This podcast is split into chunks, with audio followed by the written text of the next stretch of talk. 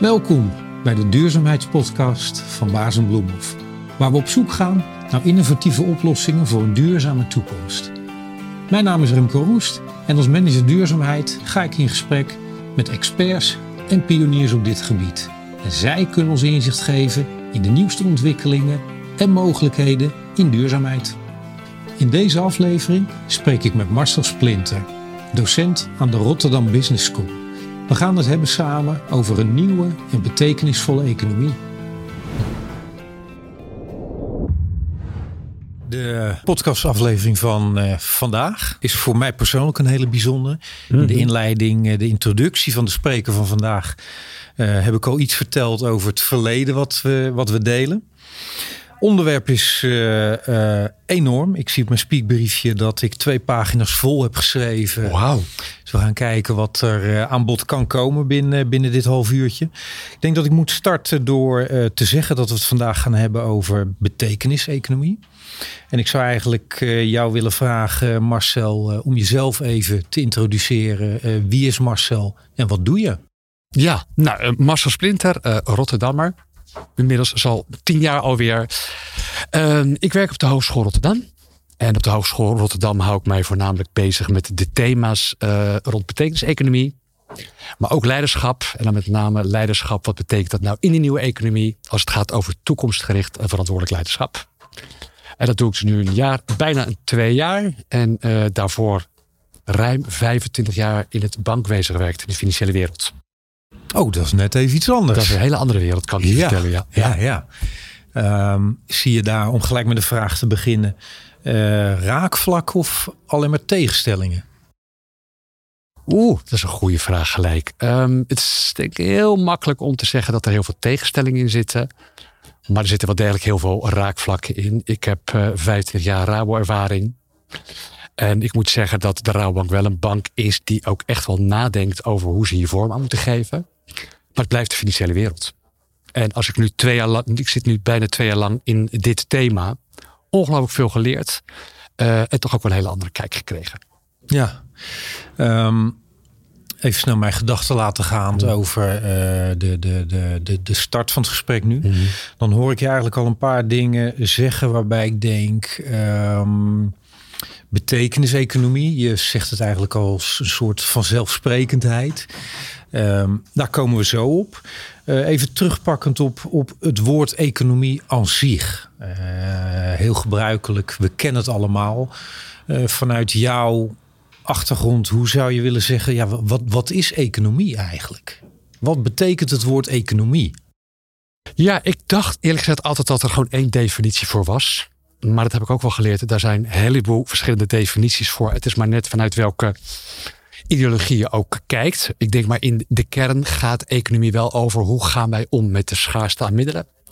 Hoe verdelen wij die middelen? Um, en met name voor mij ook belangrijk, en denk voor de betekeniseconomie ook, hoe zorg je dat dat gebeurt binnen de planetaire grenzen? Ik, ik trek hem even terug naar de start.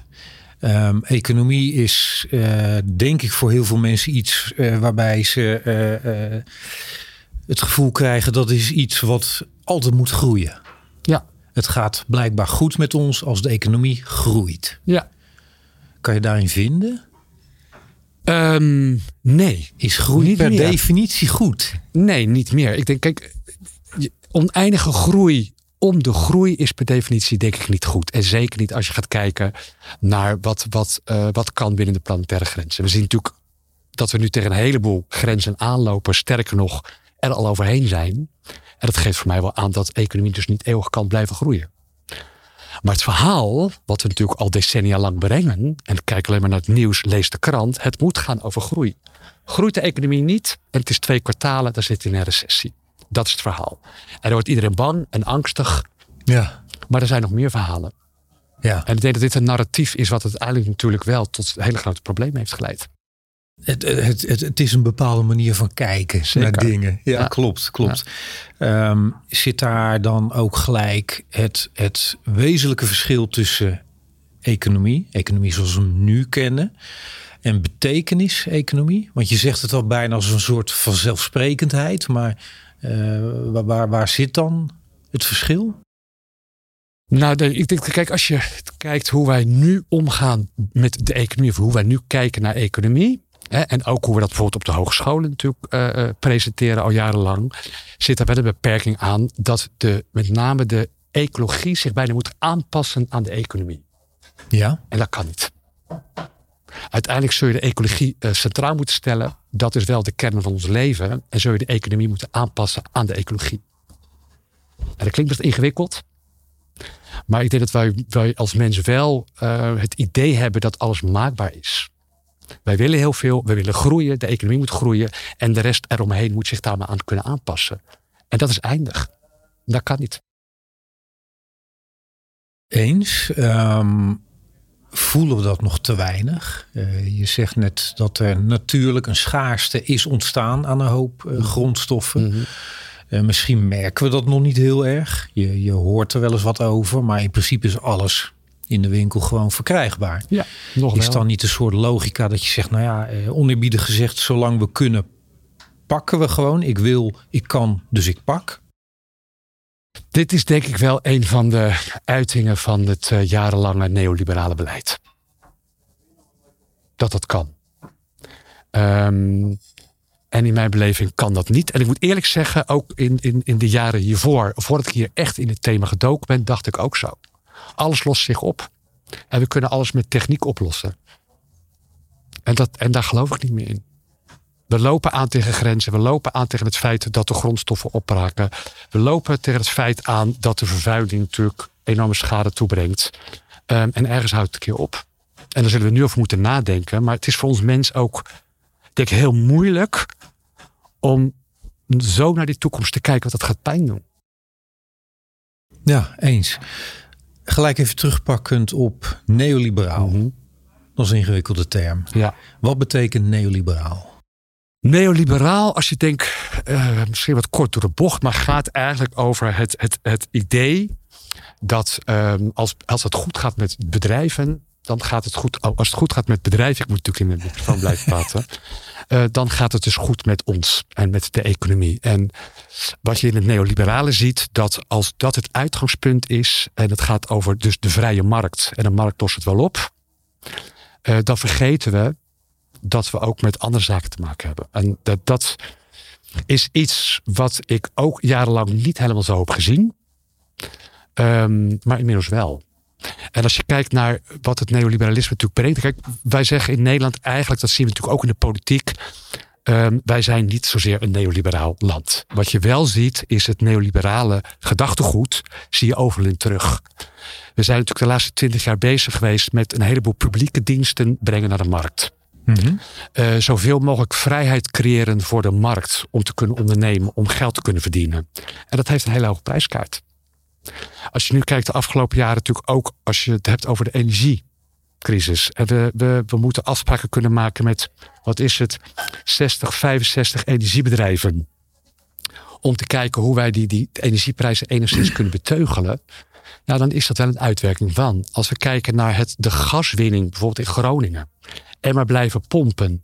En nu erachter komen wat voor schade het is. En uiteindelijk betaalt de maatschappij en de burger dat wel de rekening. Ja, helder. Um, voor, voor, de, uh, voor de luisteraars, de kijkers. Mm -hmm. um, in de podcastserie, negendelig, hebben we een soort routekaart bedacht. Waarbij we zeiden, de, het hoofdonderwerp is duurzaamheid. Dat is een heel groot begrip, heel complex begrip. Ja. Die gaan we opdelen in negen onderwerpen. Mhm. Mm -hmm. Waarbij we een soort logische ontwikkeling zien van klimaat naar biodiversiteit, de industrie, huiden ten dagen, uh, heden ja. ten dagen. Um, dan langzamerhand richting de toekomst, een circulaire economie. Wat betekent dat? Hoe kan zoiets eruit zien? Waar lopen we tegenaan? Uh, goed voor de luisteraar om te weten dat in die negendelige serie, deze aflevering met jou, de meest vooruitgeschoven is richting toekomst. Dus wat we hier doen is misschien wat schetsen van een toekomstbeeld. Als de overheid zegt we werken toe naar een circulaire economie, wat overigens maar een model is van een toekomstige economie. Um, dan zijn we eigenlijk bezig nu met het vormen van een beeld. Hoe zou dat eruit kunnen zien? In een van de vorige afleveringen hebben we al even het vergelijk kort gemaakt tussen de circulaire economie en de betekeniseconomie. Is het fair om te zeggen, uh, binnen die circulaire economie zijn we nog altijd te veel ingezoomd op het materiële. En op het moment dat je brugjes slaat naar de betekeniseconomie, die nieuwe economie eh, waar jij voor zit, dat je dan ook echt de sociale thema's erbij gaat pakken. Eh, geluk, wat is geluk? Eh, rijkdom, wanneer voel je je rijk? Wanneer ben je rijk? Wie bepaalt dat? En is het eerlijk zoals het nu verdeeld is? Wat ik lastig vind bij de circulaire economie, uh, kijk, daar moeten we heen, zonder meer. Um, maar het beeld wordt in mijn beleving een beetje geschetst alsof we er daarmee zijn. Ja. En dat betekent eigenlijk dat we ons gedrag niet hoeven te veranderen. Want we maken gewoon alles circulair en daarmee lossen we alles op. En terwijl we in de kern moeten we enorm terug in het verbruik van energie en van grondstoffen. En we kunnen, als je nu ook kijkt met, met hoe het een beetje ook denk in de marketing wordt neergezet. joh, koop leuke kleding wat gemaakt is van gerecycled plastic.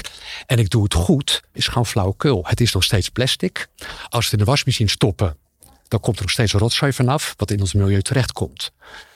Het impliceert ook niet echt, of het impliceert dat we kunnen blijven doen wat we nu doen. We kunnen blijven groeien, zo maar circulair doen. En dat gaat in mijn beleving niet. En dat vind ik wel een probleem. Dus we zullen absoluut circulariteit moeten omarmen en dat moeten doen. En dat gaat ook niet snel genoeg, maar het is niet voldoende.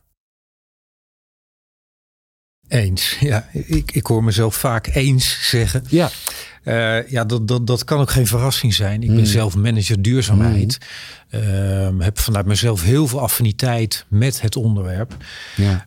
Um, waar ik in praktijk, ik zal niet per se zeggen tegenaan loop, wat ik ervaar, um, is dat er een, een, een soort vooruitgeschoven groep mensen is die al in het abstracte aan het nadenken is over hoe zou zo'n toekomst er dan uit kunnen komen te zien. Misschien raken we iets te veel ingezoomd op het woordje economie. Ja. Maar goed, dat is wel iets wat heel nauw verweven is uh, met ons.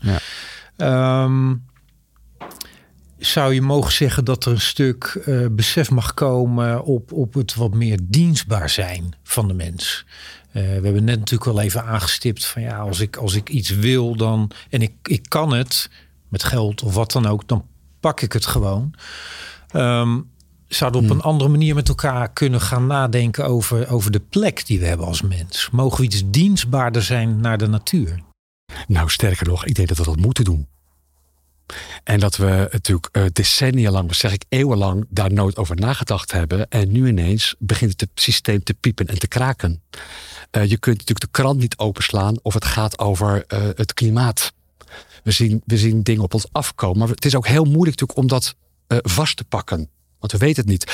Ik volg al jaren iemand, een professor als Jan Rotmans, die al jaren praat over transities, over systeemverandering die nodig is, over het feit dat we eigenlijk oogkleppen over hebben als het gaat over grondstoffengebruik, als het uh, over biodiversiteit en noem al die vraagstukken maar op. Alleen nu wordt het zichtbaar. Dus we, zullen, we, we moeten nu aan de slag. En dan nog steeds blijft het heel ingewikkeld. Want probeer het maar eens uit te leggen. Ja, eens. Ik, uh, ik heb tegen een van de andere gasten ook gezegd, of we kwamen eigenlijk erop mm. door, uh, door het gesprek wat we voerden. Um, dat als je het hebt over even de energietransitie, uh, dat dat eigenlijk ook zo'n mooie kreet is die iedereen wel kent. Ja. Maar tot voor kort niet heel goed het gevoel erbij had van wat betekent dat dan? Het wordt bijna een soort hippe, ja. hippe term. Tot het moment dat er voor heel veel huishoudens een verviervoudiging van de energierekening ja. Uh, optrad. Ja. En mensen ineens heel goed snapten wat energietransitie betekent. En of een tekort hebben aan iets. Ja. In de presentatie leg ik hem wel eens heel simpel uit als je het hebt over gebruik van grondstoffen. Dan zeg ik, joh, je hebt een heel lang hek, die ga je verven. Je krijgt maar één bus verf tot je beschikking. Dan zou je waarschijnlijk aan het begin van het hek niet heel dik die verf gaan opzetten. Dan zou je al realiseren dat je heel dun laagje gaat opzetten. En dat is niet per se wat we nu met grondstoffen doen. Nee, en dat is, en dat is ook wat waar ik het met studenten vaak over heb. Het is grondstoffen, oké, maar het gaat bijvoorbeeld ook over water. Het idee ook, er komt water nog steeds uit de kraan. We vinden het ook volstrekt normaal. We vinden het volstrekt normaal dat we onze tuin sproeien met water uit de kraan. Dat is het niet. Het is niet vanzelfsprekend. En we voelen het nog niet. Um, ga je het toilet doortrekken met drinkwater? Ergens is het natuurlijk krankzinnig. Ja. En we hebben er nooit echt goed over nagedacht. En nu begint dat een beetje. Ja. Um, maar het is niet vanzelfsprekend. We hebben het met energie gezien en ineens wordt het twee, drie, vier keer zo duur. Met water gaat straks precies hetzelfde gebeuren als we nu niet ingrijpen. Ja, ja, ja, ja, ja schoon drinkwater is, is veel te goedkoop hier. Ja. Het is niet per se een pleidooi om uh, gelijk prijzen de lucht in te gooien. Maar uh, het, het valt inderdaad moeilijk uit te leggen. Het valt niet uit te leggen in andere landen waar schaarste is aan water. Om ja. te zeggen, joh, ons toilet spoel ik door met 20, 30, 40 liter drinkwater. Nou ja, en als je natuurlijk vergelijkt, hè, de, vergelijkt hoe, hoe doen wij dat dan in Europa? Het idee dat wij als het gaat over schoon drinkwater, daar heel hoog en goed in zitten. We bungelen ook een beetje onderaan. Alleen al vanwege het simpele feit dat het ontzettend veel kost om ons water schoon te maken en drinkbaar te maken. Ja. Als we zo'n beetje de, de, de contouren schetsen, mm -hmm. zo het eerste, nou ja, pak een beetje kwartiertje van, van het gesprek ja. uh, contouren schetsen van de wijze waarop we nu leven. Dat het vaak niet heel handig is hoe we kijken naar spullen, gebruik ervan. Um, al iets hebben besproken over een toekomstig beeld van een soort van economie. Um, waar, waar zie jij op dit moment uh, de, de, de knelpunten? Of misschien om het naar positief te trekken, de, uh, uh, de quick wins? Ik denk dat het heel belangrijk is. Het is iedere keer ook de discussie: wie moet er nou veranderen? De consument, het bedrijfsleven of de overheid? Ja. Nou, daar zit alle drie natuurlijk iets in. Ik vind dat zelf dat als je kijkt als consument, het ongelooflijk ingewikkeld is om daar de juiste keuzes in te maken. Puur vanwege het feit dat we natuurlijk de hele dag worden bestookt met materiële zaken, uh, met misinformatie, desinformatie. Uh, we plakken overal een groene sticker op en we denken dat we het goed doen. Nou, daar zit een grote verantwoordelijkheid binnen het bedrijfsleven. Het bedrijfsleven roept vervolgens, ja, maar wij doen alles binnen de kaders van de wet. Dan zul je moeten gaan kijken naar de politiek. En bij de politiek is natuurlijk het probleem, het is maximaal vier jaar. En ik moet er wel voor zorgen dat ik straks over vier jaar weer word herkozen. Um, en daar blijft het wel een beetje hangen. En ik zit nu ineens een, een, een, heel aantal jaar, ik denk vanaf 2016, dat ik me in dit thema ook invreed. Mm -hmm. En ik word wel eens een beetje triest van als ik terugkijk hoe weinig er eigenlijk ook is veranderd als het gaat over systeemverandering. Er gebeuren wel dingen. Er worden mooie technologische dingen ontwikkeld, noem maar op. Maar echt de systeemverandering die nodig is, die zie ik niet. Ja, en waar, waar denk je aan? Ja, dat is een, hele goede vraag. Systeemverandering, wat betekent ja, dat? Ja, en nou, hoe zou een systeemverandering eruit kunnen zien? Een systeemverandering betekent een, echt een hele andere manier van leven. Dat betekent een hele andere manier van kijken. Dat betekent ook dat we een aantal dingen echt niet meer kunnen doen. Of, uh, of, of, echt heel anders moeten doen. En dat het niet vanzelfsprekend is, zoals ik zei, dat al het water maar uit de kraan komt. Dat we de energie ongewijzigd kunnen doen. Dat we zeggen, oh ja, we zijn heel erg druk bezig met, met het zuiniger maken van auto's bijvoorbeeld. Mooi verhaal, maar aan de andere kant zien we, wij rijden steeds grotere auto's. Ja. Dus het probleem lost zich helemaal niet op. We gaan steeds verder weg met die auto's. We gaan steeds, ja, dat, en, en, en dat kan gewoon niet meer. Ja. En vervolgens wordt het steeds ingewikkelder om nog ergens op plan te laten komen met openbaar vervoer. Dan denk je, dan doen we toch echt iets niet goed. Ja, eens. Doe me denken aan. Uh, ik, heb, ik heb gisteren nog een podcast geluisterd op gebied van uh, nieuwe economie. Mm -hmm. Daar kwam een uitspraak voorbij. Hij is zeker niet van mijzelf. En dat luidt een beetje in de zin van: uh, we zijn een individu als ja. mens. maar we hebben zeker niet alles aan onszelf te danken. Sterker nog, dat is eigenlijk een heel narcistische manier om naar dingen te kijken. Um, het meest wezenlijke wat er is, dat is wederzijdse afhankelijkheid. Ja, het leggen van verbindingen tussen mensen. Um, daar ga je wel verschil krijgen. En dan pakken we even terug op, op dat economisch systeem. Om, uh, om daar even op door te gaan. Mhm. Mm -hmm. um, huidige economisch systeem, even platgeslagen, Mhm. mm -hmm. staat volledig in dienst van een hele kleine groep die daar onwaarschijnlijk rijk van wordt. Nee, zeker. Onwaarschijnlijk rijk. Ja. Um, ik heb ook wel eens iemand horen zeggen: een, een, een huis is een recht en geen belegging. En denk ik, dat is eigenlijk de kern van de zaak. Een dak boven je hoofd. Een dak boven je hoofd, ja. Um, ik ben met je eens als je zegt, ja, vanuit misschien de duurzame kant eh, voelen we misschien teleurstelling, verdriet om te zeggen, ja, het gaat ons niet snel genoeg. Mhm. Aan de andere kant is het systeem waarin we nu werken eh, natuurlijk iets wat heel lang gebouwd is. Dat zijn diep ingesleten gedragspatronen. En dat is moeilijk loslaten. En dat is heel moeilijk loslaten, klopt. En voor mijn gevoel zit daar ook wel eens een beetje de crux in de zin van we hebben met overheid, met burgers, hebben we afgesproken dat we in 2050 een circulaire economie hebben. Ja. Maar ik zeg intern bij ons, Baars en Bloemhof, bedrijf waar ik werk, ook wel eens, ja, dat, dat snap ik. Maar de salarissen worden eind van de maand gewoon betaald op basis van het economisch systeem wat we nu dienen. Ja. Moet ik gelijk even denken aan eh, afgelopen zondag. Een uitzending van Buitenhof, als ik dat mag aangeven. Ook, dat, dat sluit denk ik ook wel bij aan. Daar zat Klaas eh, Knot, van, president van de, de, de Nederlandse Bank. En die riep eigenlijk een beetje op tot, tot nou, richting de vakbonden ook wel matig een beetje je looneis. En toen dacht ik, dit wordt toch wel een beetje een omgekeerde wereld. We lezen namelijk al kwartalen achter elkaar recordwinsten aan bedrijven. Uh, we zien een groeiende ongelijkheid. Je noemde net ook al natuurlijk even de, de extreme rijken. Dat vinden we ook allemaal maar normaal. Nu ligt er een looneis. Waarbij gezegd wordt eigenlijk vanuit de vakbonden... dat moet toch wel naar de 13, 14 procent gaan... om dat enigszins redelijk te hebben. En vervolgens wordt er geroepen... dat moeten we gaan matigen. Want anders komen we in een, in een, in een, in een situatie terecht... waarbij de inflatie alleen maar verder toeneemt. Ik denk, dat is, dat is wel een beetje omgekeerde wereld. Want nu leg je dus terug bij even de gewone burger. En de winsten zijn al uitgekeerd. De bonussen zijn uitgekeerd. Het is eigenlijk gewoon een heel pervers systeem. Ja, ja, ja, ik ben eigenlijk gewoon blij dat, uh, dat je het woord uh, uh, zo oppakt. gisteravond hebben we op de app nog contact met elkaar ja, gehad. Ja. En dan heb ik tegen je zeggen, joh Marcel, ook juist omdat wij in dit onderwerp meest vooruitgeschoven punt in die duurzaamheid Mhm. zijn, mogen we ook best een beetje in de activistische rol stappen. vanochtend nog las ik dat uh, per, wat is het, dag Ahold 6,6 miljoen euro winst maakt.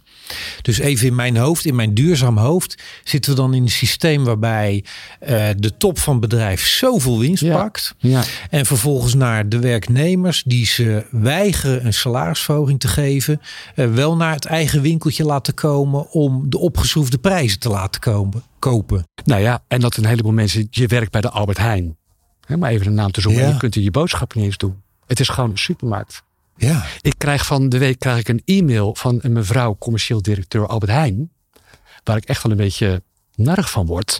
Waarin wordt uitgelegd dat het toch ontzettend vervelend is dat de schappen leeg zijn. En dat ze dus snel hopen tot overeenstemming. Dan denk ik, je moet gewoon betalen. Wees gewoon eens reëel. En kijk niet alleen naar het financiële gewin. Maar zolang er natuurlijk aandeelhouders achter zitten. En het enige doel is om zoveel mogelijk uh, uit te kunnen keren aan je aandeelhouders. Lossen we dit ook niet op. Ja, klopt. En misschien zit daar ook een beetje de pijn die, uh, nou ja, met name ook jij en ik voelen. Uh, het venijn richting dat neoliberaal. Mhm. Het uh, met z'n allen Mhm. in dienst staan van het genereren van zoveel mogelijk geld. Wat op plaatsen terechtkomt waarbij je zegt, ja, uh, je zou de wens hebben dat er wat moois mee gedaan wordt. Uh, maar in heel veel gevallen dat niet het geval is. Nee, zeker niet. Is nee. er iemand bij gebaat om acht, negen of tien superdure auto's te hebben? Ik weet het niet. Um, nou ja, het, het, het, idee natuurlijk ook, en dat is natuurlijk voortdurend wel het narratief wat wordt verteld. Op het moment dat de bedrijven goed gaan, hè, zij, zij zorgen voor werk. Dus betekent dus inkomen en zitten dus daarin vast. Ja, klopt. En, en, en wat dat betreft vond ik het ook wel heel eerlijk uh, in het gesprek wat ik laatst had uh, met, een, met een aantal mensen waarin ik een beeld van duurzaamheid schets, de veranderingen die er moeten komen. Mm. En dat is dan deels op basis van aanstaande wet en regelgeving. Dan zeg je ja, het is heel simpel, het moet. Aan de andere kant ook deels op basis waarvan je zegt als bedrijf, dit willen wij graag. Maar waarbij een van de eerste vragen die ik terugkreeg was: uh, joh, uh, hoe zit het dan met de baanzekerheid, de baangarantie? Dat ik dacht van ja, aan de ene kant zag ik die helemaal niet komen. Maar aan de andere kant ben ik wel heel blij dat ze hem stellen, want het is wel een heel eerlijke vraag. We gaan natuurlijk met elkaar een appel doen op verandering van systeem, wat ja. redelijk ongrijpbaar is. Ja. Waar we niet per se het gevoel hebben daar als individu invloed op uit te kunnen oefenen. Nee. Denk je dat er een soort van comfortabele manier bestaat waarop al die grootheden in elkaar grijpen en we met elkaar uh, meer in, in, in, in de samenwerking, in de coöperatieve vorm gaan werken en ook het gevoel hebben dat we als team weer werken? We hebben, we hebben eh, simpel gezegd, na de, na de Tweede Wereldoorlog hebben we decennia lang een heel duidelijk beeld gehad met elkaar. Een heel duidelijk doel. Uh, er werd gewerkt aan wederopbouw. En dus moesten we groeien. Ja, maar en we moesten toen groeien om ervoor te zorgen dat de mensen het beter kregen. Ja. En dat is wel het goede. Dat je, want dat, dan heeft de groei heeft toen een doel gehad. Heeft een, een maatschappelijk doel gehad. Ja. Uh, ergens in de jaren 60, 70 hield dat wel een beetje op. En dat zie je natuurlijk ook als je gaat kijken naar het geluk bijvoorbeeld. Het geluksgevoel. Het geluksgevoel neemt helemaal niet evenredig toe met de groei van het BBP bijvoorbeeld. Dat houdt ook ergens op. En worden die dingen losgekoppeld van elkaar. Ik ga je vragen om die even uit te leggen nog. Ja, dat snap ik. Kijk, wat, wat je natuurlijk ziet, is, is dat als je kijkt naar allerlei onderzoeken die aangeven van wat is nou de relatie tussen de groei van het uh, bruto binnenlands product en het, en het geluksgevoel. Ja. Of het, het, het welzijn, welbehagen gevoel. Maar zou je mogen zeggen, gewoon het geld wat je kan uitgeven? Ja. Ergens zit er een grens in aan de hoeveelheid geld wat toch invloed heeft op jouw geluk. En dat is ergens, van mij eind jaren 60, begin jaren 70, zie je dat het steeds verder uit elkaar loopt. Daarmee kun je wel zeggen dat meer geld niet per definitie betekent meer geluk. En dat is een hele ingewikkelde om uit te leggen. Ja. Maar hij is wel heel spannend. Zeker heel spannend. Maar uh, geld alleen brengt niet meer geluk. Mensen zijn niet alleen maar een homo economicus die zoveel mogelijk winst nastreven. Daar geloof ik gewoon niet in. Ja. Mensen willen contact. Mensen willen sociaal met elkaar omgaan. Het idee natuurlijk ook van, van dat komt natuurlijk ook ergens uit de 17e eeuw, dat, dat filosoof Descartes uh, heeft gezegd: um, Ik denk dus ik besta. Heeft dat ook wel een beetje uit elkaar getrokken. In heel veel andere culturen zie je juist wij zijn, dus ik besta. En dat is natuurlijk een hele andere manier van denken. En daar zijn we alweer een beetje los van gekomen. En daar mogen we toch wel weer naar terug, denk ik. Dat denk ik ook. Misschien uh, slaan we daar dan. Ja, dat moet zelfs. Uh, misschien stippen we daar ook zomaar het verschil, het wezenlijk verschil aan tussen. Of, of, of uh, het, de plek waar we het bruggetje moeten zien te slaan mm -hmm. tussen economie mm -hmm en betekenis-economie of een nieuwe economie. Waarbij je zegt van goed, uh, we, we willen het goed hebben met elkaar. Uh, ik kijk er een beetje moeilijk bij van ja, dat kan voor jou heel iets anders betekenen dan voor mij. Uh, maar de wens wel zou bestaan en dan, dan wil ik specifiek even benoemen dat uh, met stijgen van het inkomen afgelopen decennia het veel meer hebben van puur spullen we inderdaad niet gelukkiger zijn geworden. Nee. Sterker nog, uh, percentage burn-out, depressie is hoger dan ooit en stijgend. Ja. Snel stijgend. Ja. Ja. Dus daar zit absoluut geen verbinding, geen correlatie tussen het hebben van meer besteedbaar inkomen en het ervaren van het gevoel van geluk. Ja, en dat is natuurlijk ook een groep mensen hè, die natuurlijk zegt: we hebben het ontzettend goed, dus we hebben het nou over. Maar er is een veel grotere groep die het steeds moeilijker heeft. Um, en dat is natuurlijk dat is lastig uit te leggen. Um, als je natuurlijk in jouw bubbel zit, waarbij je zegt, nou ik heb het toch goed, ik heb een baan. Ja, ik heb het wel een beetje spannend, uh, af en toe een burn-out. En dat vinden we maar volstrekt normaal. Als we het dan hebben bijvoorbeeld over de, de, de degrowth-theorie, waarbij natuurlijk vanaf de andere kant wordt gezegd, dat kan helemaal niet, want dat gaat ten koste van allerlei banen. Nou, ergens werken we ook wat te veel. En misschien zou het juist wel eens goed zijn om eens even iets minder te gaan werken iets meer tijd te hebben voor andere dingen. Iets meer tijd te hebben voor elkaar. Iets meer tijd te hebben voor de zorg voor elkaar. En dat, dat kan ook een heleboel problemen oplossen.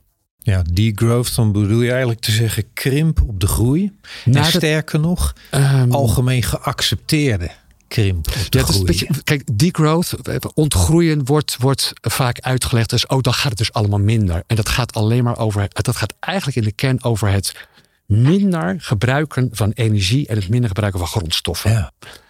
Um, en dat kan en, en bepaalde sectoren ook gaan uitsluiten. Ja. We hebben niet alles nodig. Het, het idee van privéjets en alle grote jachten en grote auto's, is het echt nodig ja. voor ons geluk? Ja, voor een kleine groep misschien.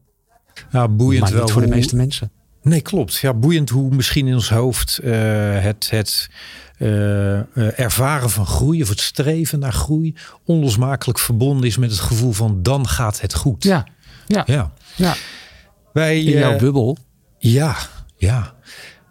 Wij hobbelen richting eh, de afronding. Gaat wel heel snel. Het gaat heel er is snel. nog heel ja. veel over te vertellen. Er is nog heel veel te te, zeggen, ja. te vertellen.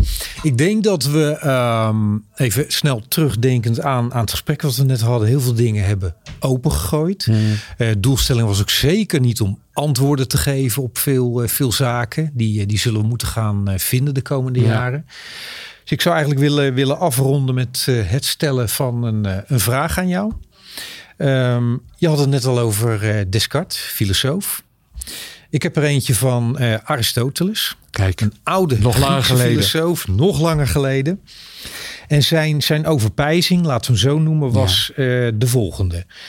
waar jouw talenten en de behoeften van de wereld elkaar kruisen, daar ligt jouw roeping. Nou, als dat dan zo is, wat is die dan voor jou persoonlijk? Mijn persoonlijke roeping. Nou, um, ik ben een aantal jaar geleden, zoals ik al zei, ben ik natuurlijk uit de financiële wereld gestapt. Heb ik heel goed nagedacht, maar wat wil ik nou met alle kansen die ik heb gekregen, alle opleidingen en noem maar, op. En voor mij is echt wel nu de roeping om, om bij te dragen aan die ontwikkeling en vormgeving van wat is dan die nieuwe, meer betekenisvolle economie. Die niet louter gaat over financieel gewin, maar die ook gaat over sociaal, maatschappelijk, ecologisch vraagstukken. En dat we daarin. En dat is ook waarom ik me ontzettend goed voel nu in het onderwijs. En echt dankbaar ben dat ik me met deze thema's mag bezighouden. Hoe complex ook. En dat blijf ik de komende jaren zeker doen. Ik wilde zeggen, los van het feit dat je hem heel mooi uitlegt, denk ik. Ik denk dat het een hele mooie roeping is die je beschrijft. Uh, lijkt mij er uh, voldoende werk Het geeft mij in ieder geval heel veel energie. Er is voldoende werk, absoluut. Ja. ja. Marcel, ik wil, je, ik wil je danken. Het was me genoeg om je als uh, gast hier aan tafel te hebben. Dank voor je aanwezigheid. Jij bedankt. Ik vond het ontzettend leuk om dit te mogen doen. Graag gedaan.